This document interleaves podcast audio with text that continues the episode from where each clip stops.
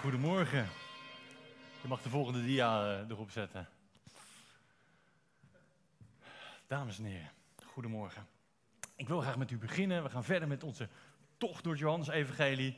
We gaan lezen Johannes 7, vers 1 tot en met 30. Ik lees het voor de basisbijbel. En daar gaan we. Daarna trok Jezus rond door Galilea, want hij wilde niet door Judea rondreizen, omdat de Joodse leiders daar hem wilden doden. Het was bijna Loofhuttenfeest. Jezus' broers zeiden spottend tegen hem: Ga toch naar Judea, want ook je leerlingen daar moeten de geweldige dingen zien die jij doet. Want iemand die bekend wil worden, moet niet tegelijk proberen om niet op te vallen. Als jij dan zo graag bijzondere dingen wil doen, zorg er dan voor dat alle mensen het horen en zien. Want ook Jezus' broers geloofden hem niet.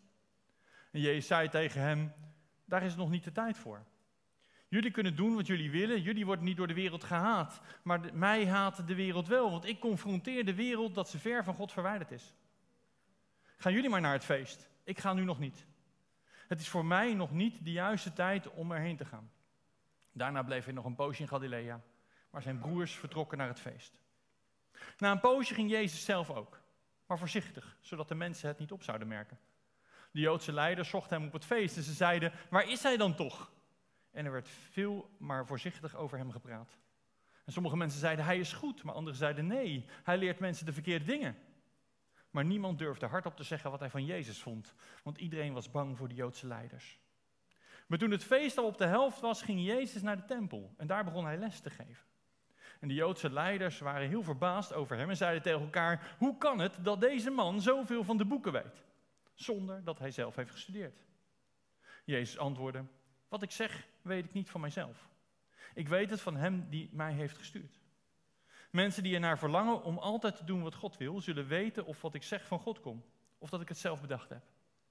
Iemand die zijn eigen ideeën brengt, wil graag zelf geprezen worden. Maar iemand die wil dat de persoon die hem gestuurd geprezen wordt, is eerlijk en heeft geen oneerlijke bedoelingen. Mozes heeft jullie toch de wet gegeven? Toch doen jullie geen van alle wat de wet van Mozes zegt. Want waarom willen jullie mij doden? De mensen zeiden: U bent gek, wie wil u dan doden? Jezus antwoordde: Als ik één ding doe, zijn jullie al boos.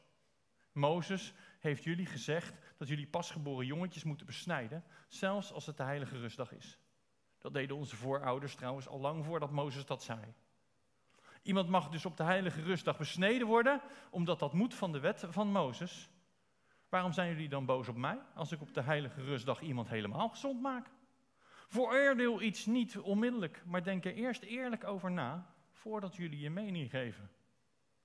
Sommige Jeruzalemmers zeiden: Hé, hey, dat is toch die man die ze willen doden? En moet je nu zien. Nu is hij daar zomaar aan het lesgeven. En, het zou, en, ze zouden, en ze houden hem niet tegen. Zouden onze leiders begrepen hebben dat hij de Messias is? Aan de andere kant, hoe zou hij de Messias kunnen zijn? Want we weten waar deze man vandaan komt. Maar volgens de boeken zullen we niet weten waar de Messias vandaan komt.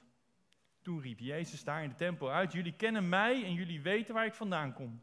Maar ik ben niet voor mijzelf gekomen. Iemand heeft mij gestuurd en hem kennen jullie niet. Hij is een en al waarheid, maar ik ken hem wel, want ik kom bij hem vandaan. Hij heeft mij gestuurd. Toen probeerden ze Jezus gevangen te nemen. Maar niemand durfde hem iets te doen, want het was daarvoor nog niet de juiste tijd. Mag de volgende dia opzetten. Lang verwacht vervolg op uh, onze Johannes preekserie. En het was voor mij wel even fijn dat er tijd tussen zat, want ik zat een beetje met mijn handen in het haar over deze tekst, figuurlijk dan. Um, want wat moet je hiermee? Um, geen indrukwekkende woorden, geen indrukwekkende wonderen, sorry, geen spectaculaire ontmoetingen, Alleen een hoop saaie discussies. En de verleiding was er zeker om snel door te gaan naar de tweede helft van hoofdstuk 7, want daar gebeurt wat. Maar ja, dan zou ik Johannes oneer aandoen. We zijn nu zo'n vier, vijf jaar samen onderweg dit evangelie door.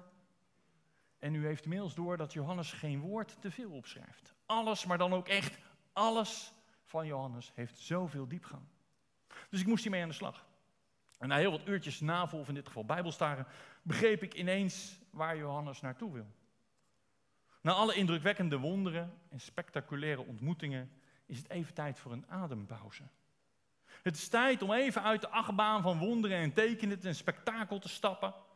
En alles op een, even op ons in te laten werken. Even alles op een rijtje te zetten. Het is tijd voor een tussenevaluatie. Johannes wil dat we bij de les blijven. Oké, wat is de les dan? Dat is de volgende dia. De les is vrij simpel. Wie is Jezus? Daar draait het hier om. En deze vraag stelt Johannes aan de wereld door zijn evangelie. En dus ook aan ons. Oké, wie is Jezus? Tegenwoordig stellen we nog een vraag die eraan vooraf gaat, namelijk heeft Jezus wel bestaan? En deze vraag behandelt Johannes niet. Waarom niet? Pas in de 20ste eeuw gingen mensen deze vraag stellen. De eerste 20 eeuwen van onze aardbolken na de komst van Jezus twijfelde niemand aan zijn bestaan. Waarom twijfelde niemand de eerste 20 eeuwen aan het bestaan van Jezus? Nou, vrij simpel. We hadden historisch besef. We, vinden, we vonden toen geschiedenis belangrijk. Het doorvertellen van geschiedenis. We voelden ook ons onderdeel van een groter geheel. We voelden ons sterk verbonden met voorgaande generaties. En dat historisch besef, dat verdwijnt helaas steeds meer. Waarom? Ik heb het al eerder in een preek uitgelegd. We zien in onze cultuur door de tijden heen een verschuiving van een verstandsdominerende cultuur naar een gevoelsdominerende cultuur. Van een cultuur waar alles draait om verstand, zijn we nu terechtgekomen in een cultuur waar alles draait om gevoel. Tegenwoordig zitten we vol, volledig omwikkeld in een gevoelsdominante cultuur. Is de volgende dia. We moeten overal een gevoel bij hebben. Onlangs had ik een gesprek, u weet, ik sta voor de klas met een gefrustreerde wiskundedocent in opleiding. Bij alle tentamens diende er ook een paper ingeleverd te worden met de vraag wat hij voelde en ervoer bij het maken van deze sommetjes. We moeten tegenwoordig alles voelen en ervaren. En daar slaan we dus ook weer lekker in door. Dat is ons mens eigen. Dus ook bij Jezus moeten we tegenwoordig heel veel voelen en ervaren, ook in de kerk. Maar laten we eerlijk zijn. Als je voor het eerst de wonderlijke verhalen van Jezus hoort, die je nauwelijks kan voorstellen, de wonderen, de tekenen die hij deed, en je bent niet in een gezin opgegroeid waar je dat met de paplepel hebt binnengekregen, dan kunnen veel mensen, als ze voor het eerst deze verhalen horen, daar met hun gevoel niet bij. En als ze ergens met hun gevoel niet bij kunnen, dan vragen ze zich ook gelijk af of het dan wel echt gebeurd is. Want als ik het niet voel, dan kan het toch niet echt zijn? Maar geloof me, er is geen enkele zelfrespecterende wetenschapper die het bestaan van Jezus in twijfel trekt. Waarom niet? Er zijn ongelooflijk veel historische bronnen, zowel in de Bijbel, maar ook ver buiten de Bijbel. Er zijn zelfs tegenstanders van Jezus die over hem schrijven. We kennen Tacitus, Flavius Josephus, die zeggen, oh nee, er is weer zo'n Jood opgestaan en hij doet weer wonderen en tekenen en je staat op uit de dood en ze lopen weer allemaal achter hem aan. Dus twijfelen aan het bestaan van Jezus is niet zo slim. Je hebt de keiharde feiten tegen je. Oké. Maar wie is hij dan? Wie is Jezus? Oké. Een aantal opties. Laten we beginnen met de meest positieve. De eerste is de volgende dia. Hij is wie hij zegt dat hij is. Laten we dus van uitgaan dat Jezus, als hij zegt: Ik ben de weg, de waarheid en het leven, dat hij inderdaad de zoon van God is die dat is. Dat hij de enige persoon is door wie wij God weer kunnen leren kennen. Dat hij zijn leven gaf om alles wat tussen ons en God in kwam staan, de zonde, om dat te dragen aan dat kruis en om op te staan te dood, om te laten zien dat hij is wie hij zei dat hij was.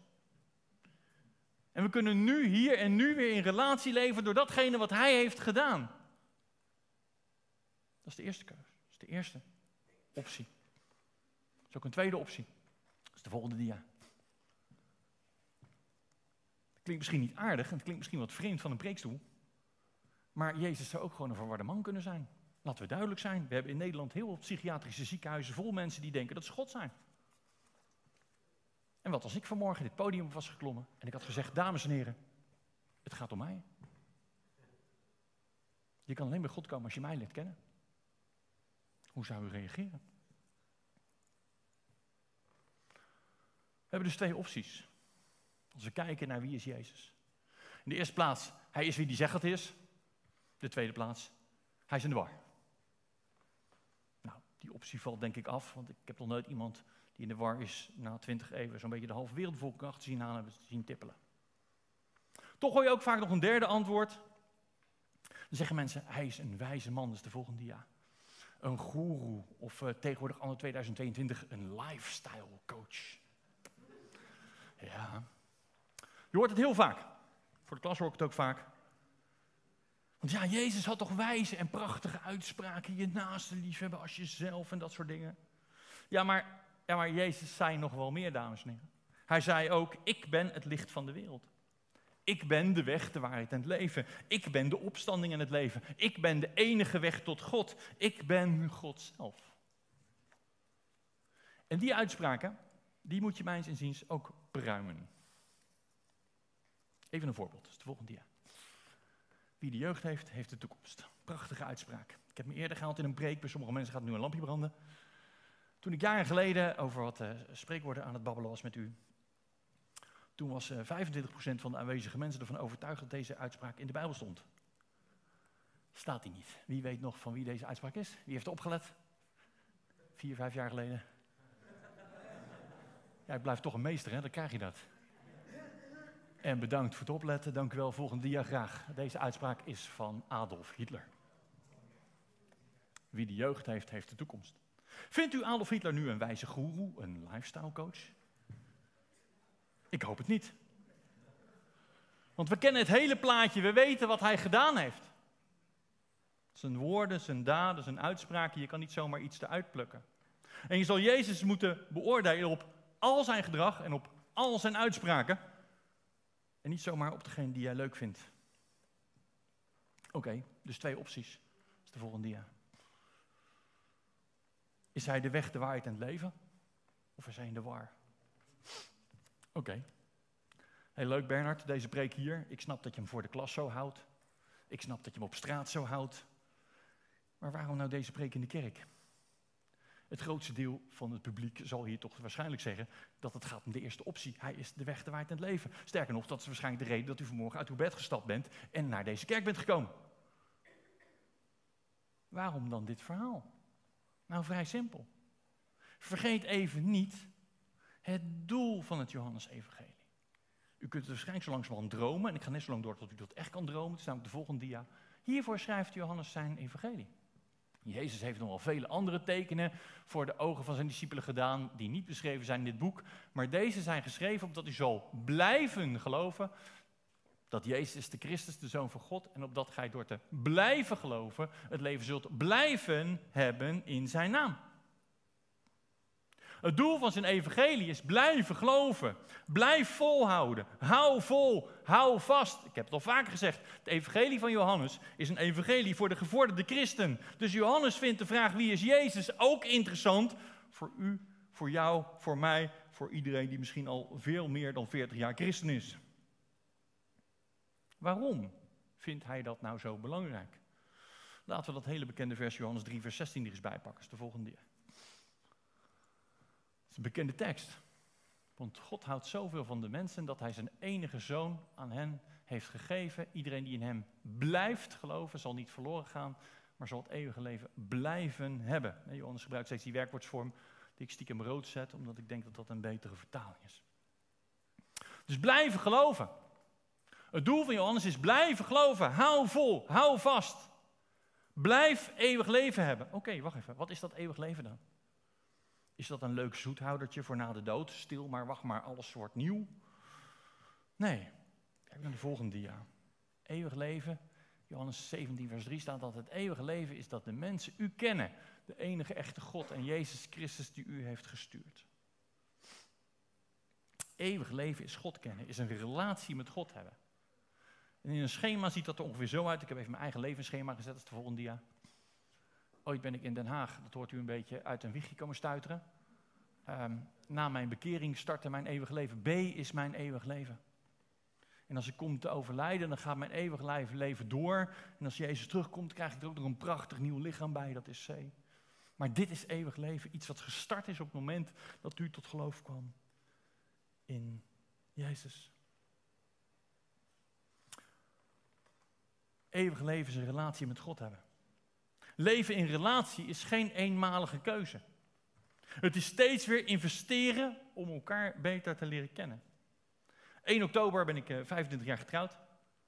Maar ik ben mij in die 29 jaar dat wij verkering hebben, erachter gekomen dat ik Aukje nog steeds beter kan leren kennen. Dat vind ik verrassend. Fantastisch. En u kent natuurlijk mijn kaskraker, het lied van mijn leven. Dat is de volgende. Lees je Bijbel, bid elke dag. Daar is die weer. Dat je groeien mag. Want groeien in relatie is top. Denk aan aardse relaties. Ik heb het al zo vaak gezegd. Groeien in relatie is geweldig. Maar groeien in relatie is ook een actief proces. Daar moet je iets voor doen. E-, even tussen. Kent u die mop van, die van dat pasgetrouwde stel? Dat is heel leuk, ga ik even vertellen. Er was, een, uh, er was een, een man en vrouw, die waren getrouwd. En ze besloten de huwelijksnacht door te brengen in een hotel. En ze komen de kamer binnen. En de man pakt een stoel en die zet die voor het raam. En hij gaat erop zitten. En zijn kerstverse vrouw, die stapt in bed. Uh, kom je nog? Nee, nee, nee, zegt die man. Mijn moeder heeft gezegd, dit wordt de mooiste nacht van mijn leven en ik wil er niets van missen.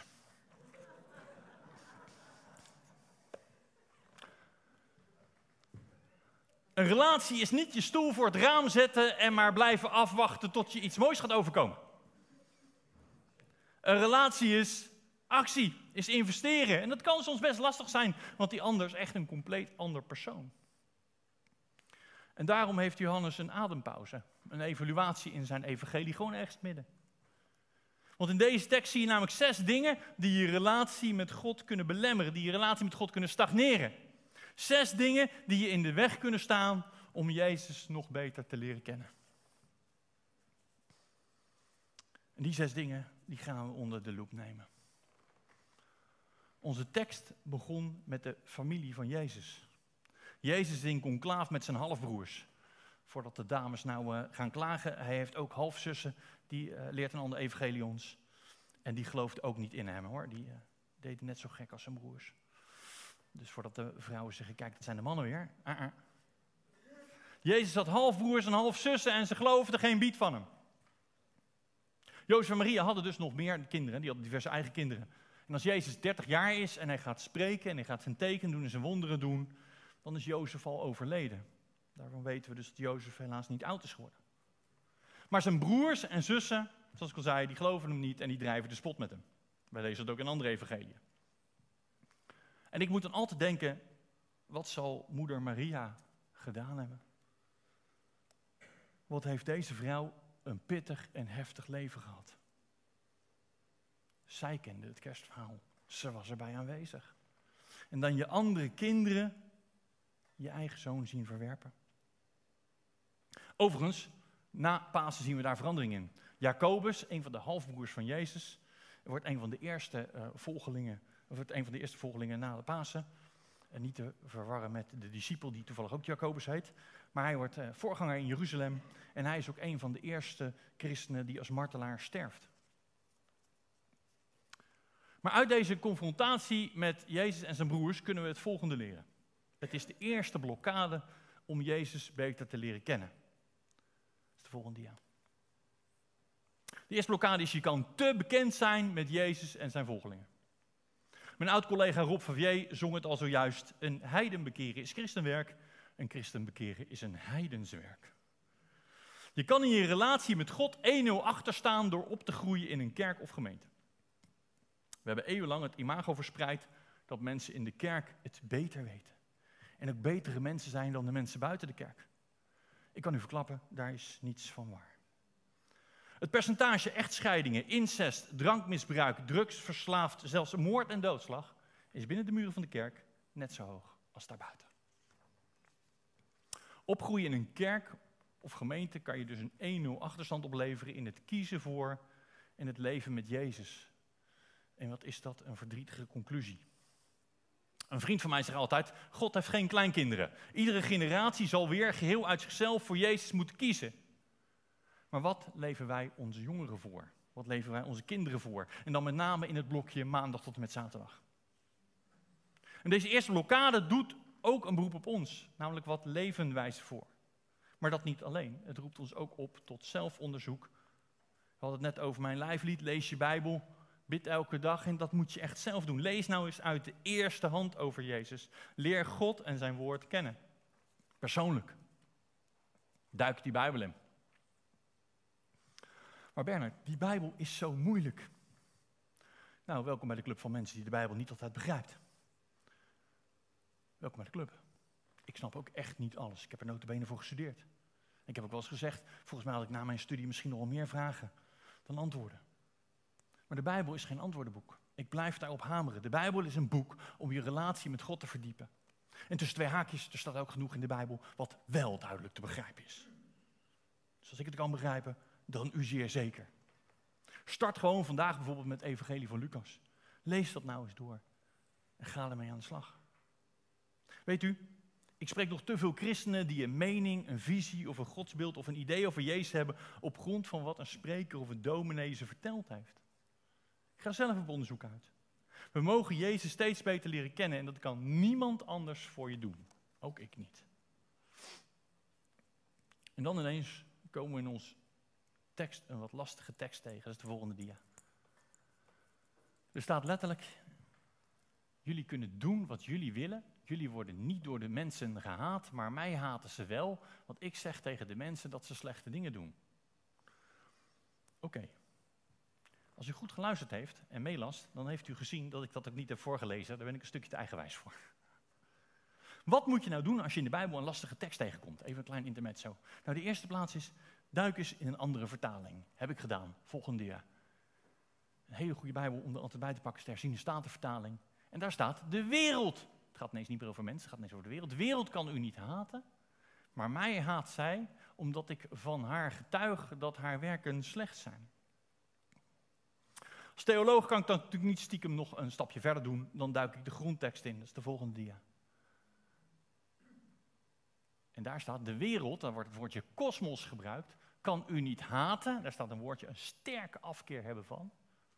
Maar mij haat zij omdat ik van haar getuig, en daar wordt het woordje marturio gebruikt, wat wij kennen voor martelaarschap, voor lijden aan, dat haar werken slecht zijn, ponera, met boosheid doortrokken. Jezus lijdt er dus onder dat de wereld doortrokken is van het kwaad. Denk even terug aan onze eerste Johannes preken. In Johannes 1 vers 10 staat, hij, Jezus, had de aarde gemaakt en was nu zelf naar de aarde gekomen, maar de mensen herkenden hem niet. De Bijbel is vrij duidelijk. Alles is door Jezus geschapen. Jezus was betrokken bij de schepping. Hij heeft de wereld geschapen. Alles is door hem geschapen. Jezus wist dus hoe mooi deze aarde was. Hij had het origineel gezien. En iedere stap van Jezus hier op aarde moet een marteling voor hem zijn geweest.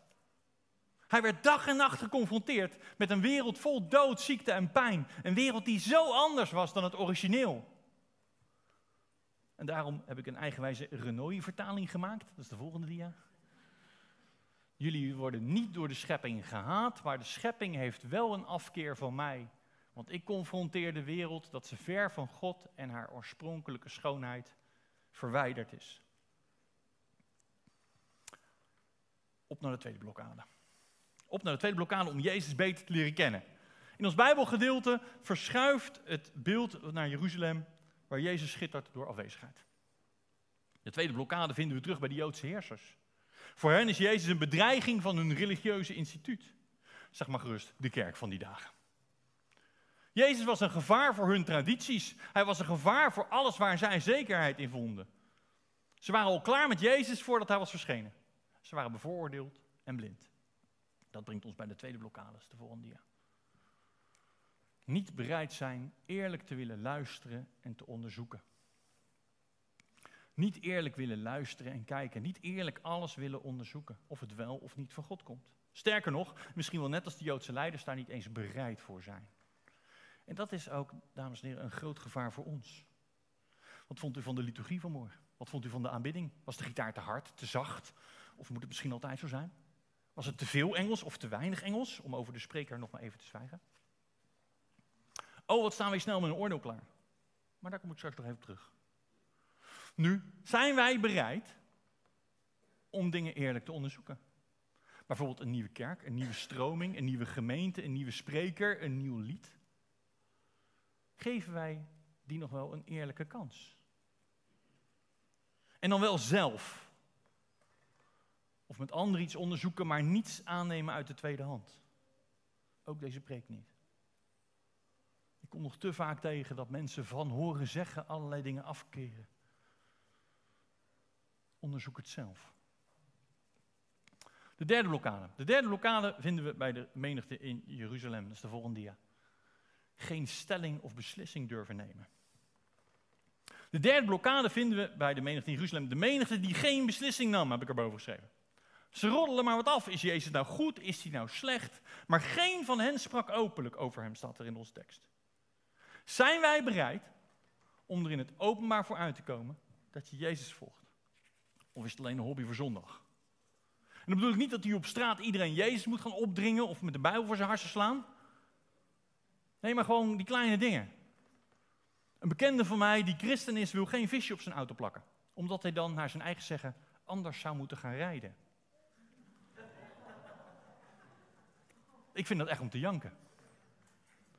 Jezus is geen hobby voor zondag, hij wil een relatie in uw leven. Aukje is ook geen hobby voor mijn zondag of voor mijn vrije zaterdagmiddag of wat dan ook. Durven we ervoor uit te komen dat we christen zijn? Dat vraagt moed, hè? laten we duidelijk zijn. In 62 van onze 197 landen op dit aardbolken kan je gemarteld worden. Kan je vermoord worden. Om het evangelie van Jezus. We hebben het hier verrekte goed met elkaar. Kan je alles kosten. Maar vergeet niet wat je ervoor terugkrijgt. Een relatie met de Allerhoogste God. Je leven wordt een goddelijk avontuur, want zijn belofte staat vast. Zie, ik ben met je, wat je ook meemaakt. Tot aan het einde van de dagen. We gaan verder naar de vierde. Als Jezus dan toch opduikt in de tempel en hij rake dingen zegt, maken de Joden zich drukker over zijn bevoegdheid dan over de inhoud van zijn woorden. Waar zou hij toch naar school geweest zijn? Bij wie heeft hij gestudeerd? Jezus is duidelijk. Hij zegt, ik geef alleen maar door wat mijn vader mij heeft opgedragen. Ik heb alles van hem. En als jullie mijn geloofsbrief, mijn diploma's willen onderzoeken, als jullie willen controleren of mijn woorden waar zijn, dan is daar eigenlijk een hele simpele manier voor. Als jullie bereid zijn om te doen wat God wil, dan zouden jullie snel ontdekken dat ik de waarheid vertel. Dat is de vierde blokkade, dat is de volgende dia. Niet bereid zijn om te luisteren en te handelen naar datgene wat God vraagt. Als iemand niet bereid is om te doen wat God vraagt, zal hij nooit kunnen bewijzen of Jezus zijn woorden waar zijn. Dan zal je hem nooit beter leren kennen dan dat je hem nu kent. Dan stagneert je relatie met Jezus hier en nu. Dat zijn harde woorden. Als je de evangelie leest, dan zal het je opvallen dat Jezus erg veel praktische tips voor je leven geeft. En zijn wij bereid om te luisteren, maar niet alleen te luisteren, ook te doen wat hij vraagt. In Johannes 17 zegt hij tot drie keer toe, als je echt van mij houdt, doe dan wat ik zeg. Ook als dat niet populair is. Ook als de mensen om je heen die Jezus niet kennen, daar niets van begrijpen. In onze verkeringstijd hadden Aukje en ik een eh, bevriend niet-christelijk stel dat maar niet snapte waarom wij seksualiteit voor ons huwelijk wilden bewaren. En tegenwoordig in christelijk Nederland hoor je dat ook vaak, hè? Ja, maar dat staat niet in de Bijbel. Nou, dat klopt. Als je de Bijbel gaat doorspitten, ga je nergens het, tegel, het regeltje tegenkomen. Je mag geen seks hebben voor je huwelijk. Maar de Bijbel is nog een stapje verder. Die zegt seksuele gemeenschap is je huwelijk.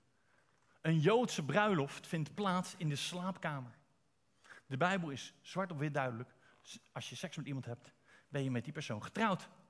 Ben je met die persoon door God aan elkaar verbonden. En daarom wilden wij geen seks hebben voor onze trouwdag en huwelijksinzegening. Dus geen seks voor huwelijk is echt bijbels, absoluut. En toch gooi je heel wat christenen die regel maar snel overboord. Ik maak me ook absoluut niet populair om dat nu hier hardop te gaan zitten vertellen. Toch heb ik het op mijn hart, want wat is ons beeld van Jezus in deze zaken? Waarom denk je dat Jezus dit zegt? Waarom denk je dat God dit nou tegen ons zegt? Is hij iemand die alle leuke dingen in je leven wil verzieken? Of is hij degene die ons geschapen heeft en dus ook seksualiteit bedacht heeft?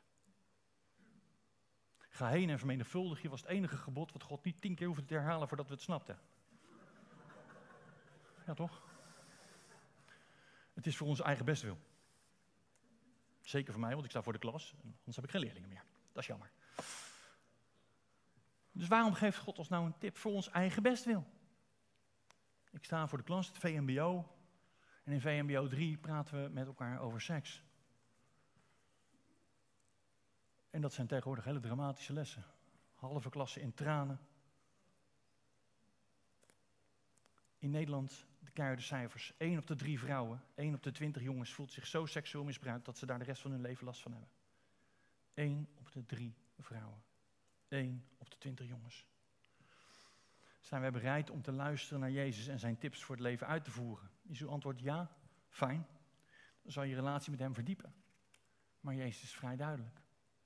Als je niet doet wat ik zeg, dan stagneert onze relatie hier.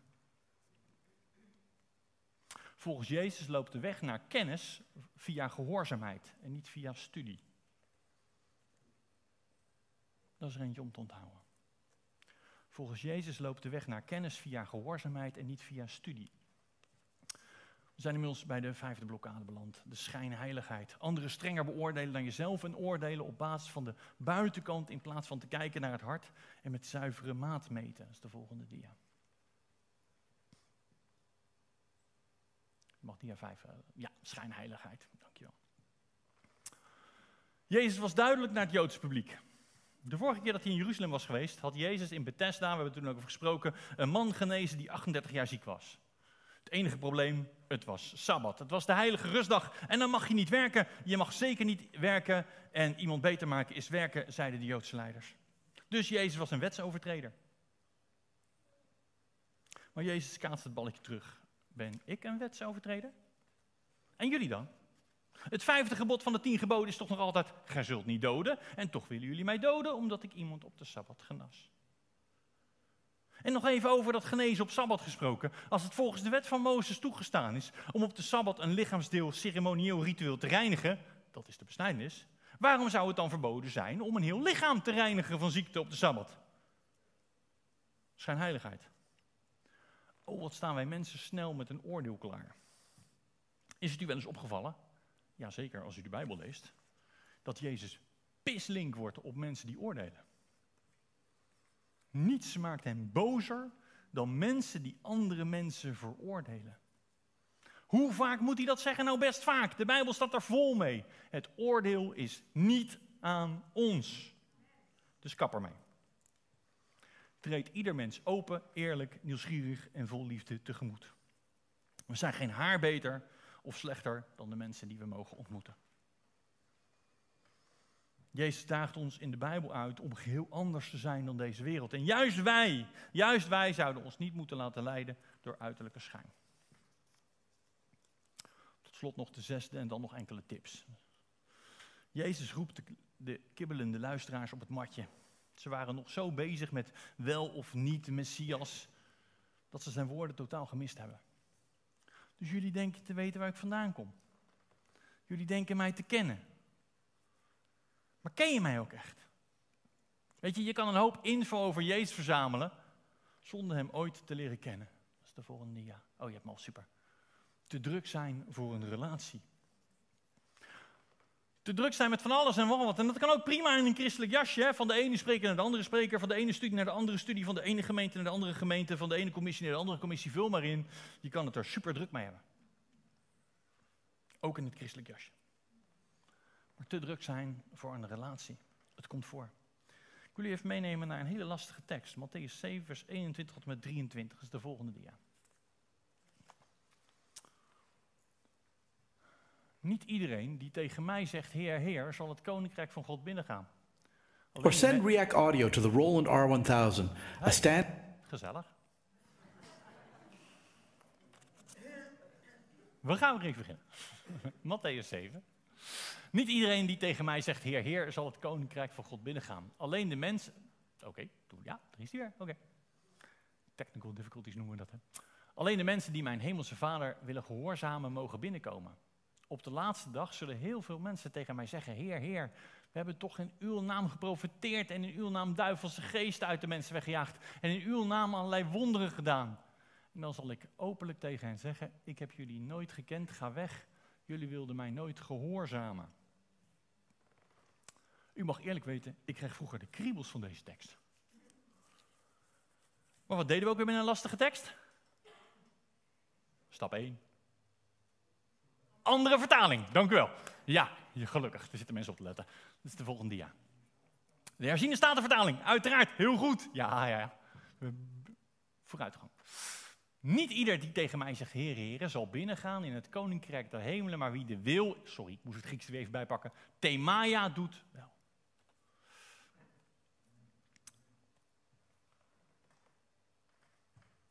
Themaia. Dat is iets anders als wie zich keurig aan mijn regeltjes houdt. Denk ook even aan het vervolg van de tekst, waar straks allemaal christelijke daden genoemd worden. Wie zich keurig aan mijn themaia houdt, betekent eigenlijk letterlijk wie zich keurig aan mijn thema houdt. Wie op lijn zit met Gods hart. Wie deze wereld wil zien door Gods ogen, die wil mee wil werken aan zijn plan. Wat is Gods plan? Rennen, verlossen, met het ultieme doel, Hem leren kennen. En dat klopt ook met het vervolg. Kijk naar de volgende dia. De trieste conclusie na al die opsomming van die dingen die je in christelijk jasjes kan doen, demonen uitdrijven, profiteren, wonderen, is de conclusie, ik heb je niet gekend. Ik wil je kennen. Want profiteren, demonen uitdrijven, wonderen doen, man, wat een christelijk spektakel. Hoe kan er na zo'n spektakel een conclusie komen, ik heb je nooit gekend? Henk Binnendijk vertelt dus een, een soort gelijk verhaal. Die zegt, er is een dorpje. in dat dorpje is een oranje vereniging. Twee dames zitten daar. En de eerste dame, ik noem er even Miep voor het gemak is echt een koningshuisfriek. De huis is oranje, tegeltjes, fotootjes, zelfs wc-papier van de koning. Dame 2 is Truus. En Truus stuurt ieder jaar een verjaardagskaart naar de koning, jaar in, jaar uit. En dan op een dag is het Koningsdag en de koning komt eraan en de limousine rijdt voor en Miep staat vooraan. Koning, koning, ik heb alles van u. Tegeltjes, mijn huis is oranje, mijn wc-papier is zelfs uw afbeelding dat nou positief is, dat zou ik even terzijde laten. Maar, um, maar de koning heeft zoiets van, sorry, maar ken ik jou? En dan ziet hij Truus staan. Hey, Truus, wat leuk, bedankt voor je kaartjes. Voelt u het verschil? Hem kennen. We leven in drukke tijden, of beter gezegd, we laten ons gek maken dat we het druk hebben. Aardse relaties lijden daaronder. Geliefden groeien uit elkaar. En aardse relaties kan je ook rustig vertalen naar hemelse relaties. Geliefden groeien uit elkaar, ook in kerk en gemeente. Je kan God en zijn relatie, je kan uit elkaar groeien. Hoe leer je iemand kennen? Niet door heel druk voor hem aan de slag te gaan. Hoe leer je Jezus kennen? Niet door heel druk allemaal christelijke dingen te gaan doen. Dames en heren, we zijn weer terug bij af. Volgende dia. Lees je Bijbel, bid elke dag dat je groeien mag. Amen. Zullen we nog bidden met elkaar. Vader in de hemel, Heer Jezus. U wil gekend worden. U wil een relatie met ons leven. Maar Heer, wat kunnen er veel obstakels tussen u en ons zijn? Heer, en we willen vandaag bidden. Die obstakels zijn onze schuld. En we willen u bidden, wilt u ons vergeven? Maar wilt u met uw goddelijke kracht komen, met uw goddelijke geest komen, wilt u ketenen breken? Wilt u de ketenen breken, dat er weer een, een schone weg is tussen u en ons? Dat we weer in uw Bijbel op zoek kunnen gaan en u mogen vinden. Dat we u steeds beter mogen leren kennen. Dat we steeds weer mogen gaan zien wat een goddelijk avontuur dit leven is. En hoe u altijd bij ons bent. Of we u nou wel voelen of niet voelen, u bent er gewoon. U belooft dat en uw beloften staan vast. Wilt u bij ons zijn? Heer, dat we gewoon u vasthouden. Heer Corrie ten Boom zei het zo, u en ik hebben mijn bekering bewerkt, u werkte mee, ik werkte tegen. Heer, wilt u ons helpen? Zonder uw geest, leert uw woord, kunnen we het niet. Dus we bidden om heel veel van uw geest, Heer, om het weer op te pakken deze week. Om weer te investeren in een relatie met u, maar ook te investeren in een relatie met de mensen om ons heen. Omdat we zo ook iets van u en iets van uw geest mogen aan tonen aan een wereld die u zo hard nodig heeft. Een wereld die gebroken is. Met dood, ziekte en pijn. Een wereld die het niet meer weet, een wereld die bang is. Heer, wij hebben een boodschap. Heer, vul ons. Zodat we uit kunnen delen. Heer, want u bent met ons. Tot het einde van onze dagen.